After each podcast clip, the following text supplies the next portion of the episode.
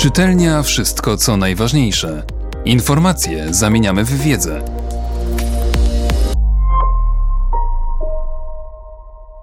Profesor Andrzej Jajszczyk.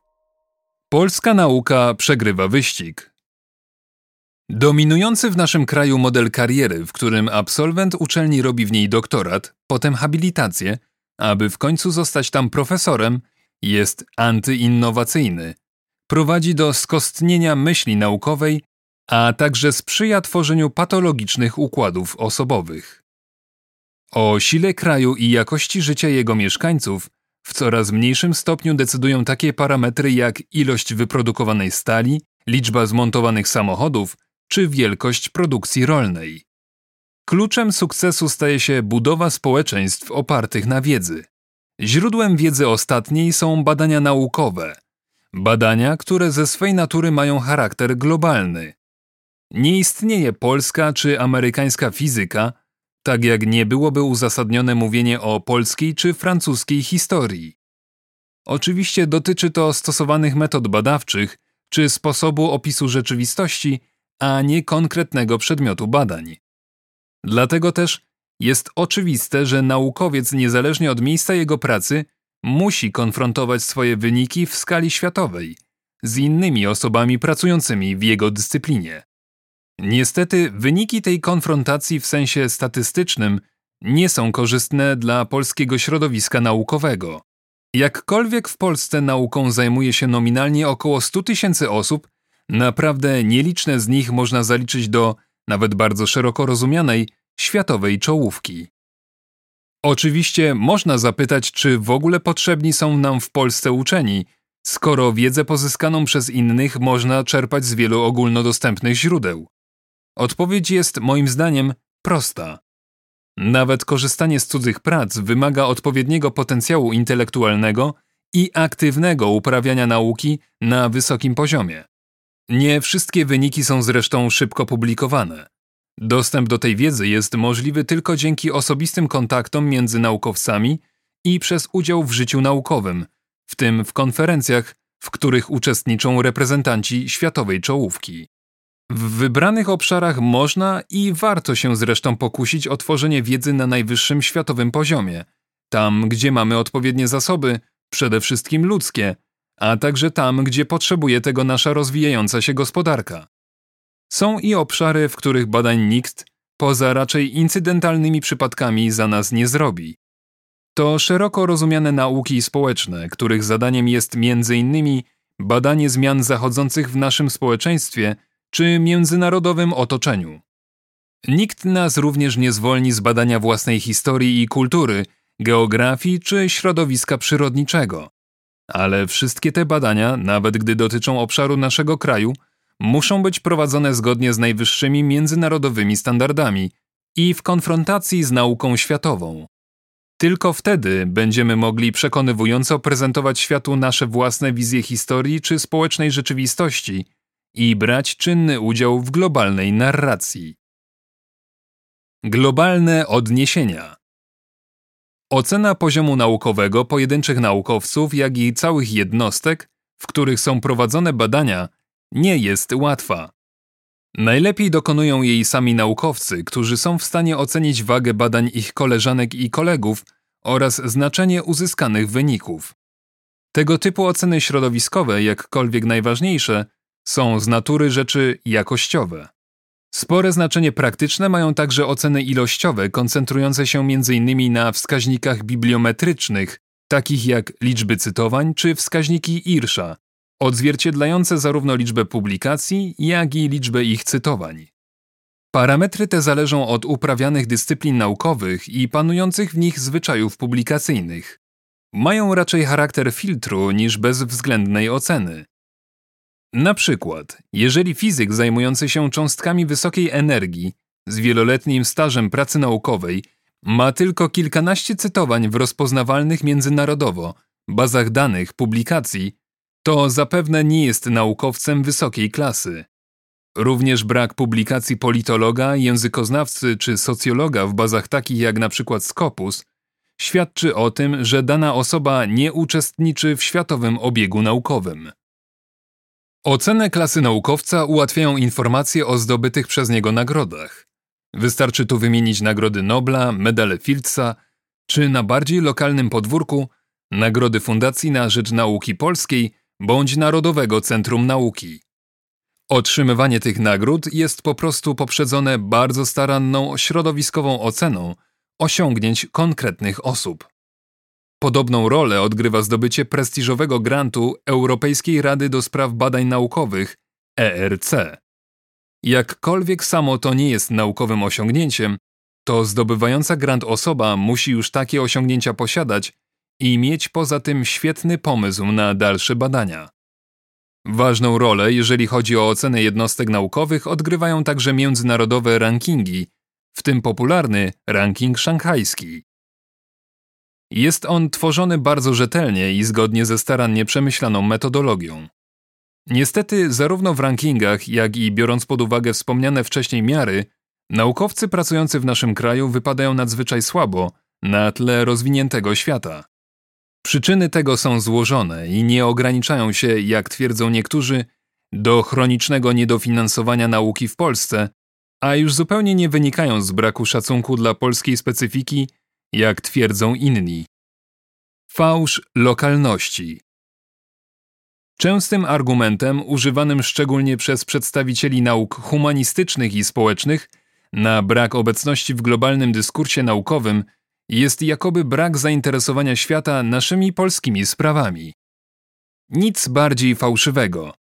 Zawsze interesujące są nowe metodologie badań, niezależnie od miejsca ich użycia. Polska jest też niemałym krajem znajdującym się w centrum Europy, na skrzyżowaniu szlaków między wschodem i zachodem. To, co działo bądź dzieje się u nas, jest obserwowane z dużo większą uwagą przez innych, niż to nam się czasami wydaje, a nasz wpływ na dzieje świata był znacznie większy, niż sami o tym sądzimy. Czyż historia Europy nie potoczyłaby się inaczej, gdyby nie wiedeńska Wiktoria? Czy istniałaby dzisiaj Belgia, na terenie której znajduje się obecna stolica Europy, gdyby nie powstanie listopadowe?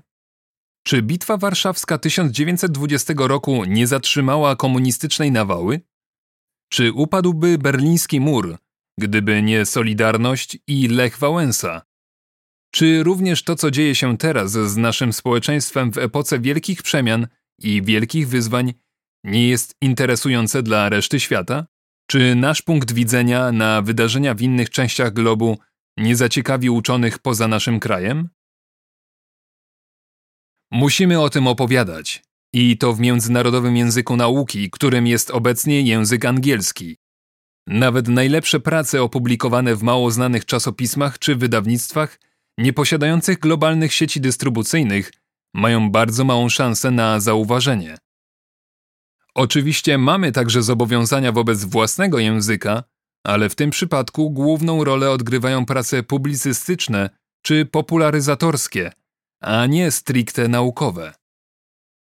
Niestety są w Polsce całe obszary nauki, nazywane ostatnio nauką równoległą, w których publikuje się prawie wyłącznie w krajowych czasopismach bądź wydawanych lokalnie monografiach i nie konfrontuje się wyników z nauką światową. O dziwo, niektórzy tacy naukowcy dochrapali się nawet tytułów profesorskich. To oczywista patologia, a finansowanie takich osób z publicznych pieniędzy jest marnotrawstwem mocno ograniczonych środków przeznaczanych w naszym kraju na naukę. Konieczność mobilności. Drugą niezwykle ważną przyczyną słabości uprawianej w Polsce nauki jest brak długoterminowej mobilności. Dominujący w naszym kraju model kariery, w którym absolwent uczelni robi w niej doktorat, potem habilitację, aby w końcu zostać tam profesorem, jest antyinnowacyjny. Prowadzi do skostnienia myśli naukowej a także sprzyja tworzeniu patologicznych układów osobowych. Nic tak nie otwiera oczu i nie ułatwia trwałych związków ze światową nauką, jak kilkuletni pobyt i praca naukowa w innych niż macierzysty, dobrych zespołach naukowych, najlepiej za granicą. Nie zastąpią tego spotkania na konferencjach, krótkie wyjazdy studyjne czy tak łatwe obecnie kontakty za pośrednictwem internetu. Nie ulega wątpliwości, że długoterminowe wyjazdy i związana z tym zmiana miejsca zamieszkania niejednokrotnie wymaga wyrzeczeń. Nie tylko własnych, ale także członków rodziny. Bywa dla tej rodziny również niepowtarzalną szansą. Ale bez tego trudno myśleć o pracy naukowej na najwyższym światowym poziomie. Tym, którzy podają przykład Immanuela Kanta, który przez całe życie nie opuścił rodzinnego królewca, mówię na ogół, że jeżeli ktoś jest takiego formatu jak wspomniany filozof, może próbować robić naukową karierę bez mobilności. Kilkuletnie pobyty naukowe za granicą pomagają w korzystnym na ogół przecięciu pępowiny z promotorem, w wykształceniu własnej tematyki badawczej oraz wpływają korzystnie na autentyczność konkursów na stanowiska. Długie zagraniczne wyjazdy powodują także odpływ na stałe części naukowców z Polski do innych krajów i jednostek badawczych. Nie ma w tym nic złego, o ile warunki oferowane powracającym do kraju będą rzeczywiście zachęcały do powrotu, a także gdy odpływ części uczonych będzie rekompensowany napływem naukowców pochodzących z zagranicy. Skostniałe struktury. Trzecim wielkim problemem polskiej nauki jest jej nadmierna hierarchiczność, której elementami są stopień doktora habilitowanego i tytuł profesora. Już dawno stopnie te mają nikły związek z jakością legitymujących się nimi naukowców, a samo ich posiadanie stwarza złudne wrażenie wybitności. Przede wszystkim jednak konieczność zdobywania formalnych stopni spowalnia uzyskiwanie samodzielności naukowej i utrudnia młodym, zdolnym badaczom tworzenie zespołów naukowych. Jest także przeszkodą, zarówno w mobilności międzynarodowej, między jednostkami naukowymi, jak i w międzysektorowej, czyli między nauką a gospodarką. Jakkolwiek habilitacja istnieje także w niektórych innych krajach, np. we Francji, Niemczech czy Szwajcarii, to jednak ma tam znikome znaczenie. Wyniki konkursów grantowych Europejskiej Rady do Spraw Badań Naukowych ERC jak w soczewce pokazują stan nauki w Polsce, przynajmniej tej najwyższych lotów. Pracujący w Polsce naukowcy zdobyli dotychczas, czyli w ciągu 12 lat istnienia agencji, tylko 34 granty. Dla porównania dużo mniejsze od nas i niebogatsze Węgry mają ich dwa razy więcej. Lepszy od nas wynik osiągnęły także Czechy, nie mówiąc już o takich potęgach jak Zjednoczone Królestwo, Niemcy czy Holandia, które mają odpowiednio 2064, 1499 i 889 grantów. Ale pouczający jest także rozkład realizowanych w naszym kraju grantów ERC na poszczególne obszary nauki. Katastrofalnie wypadają nauki techniczne i nauki społeczne. W każdym z tych obszarów uzyskaliśmy finansowanie tylko na jeden projekt. To rzeczywisty obraz nauki w naszym kraju. Nie pomoże napinanie się i mówienie o polskiej specyfice. Po prostu przegrywamy wyścig z rozwiniętym światem. Czytelnia Wszystko co najważniejsze. Czytał Mateusz Mleczko.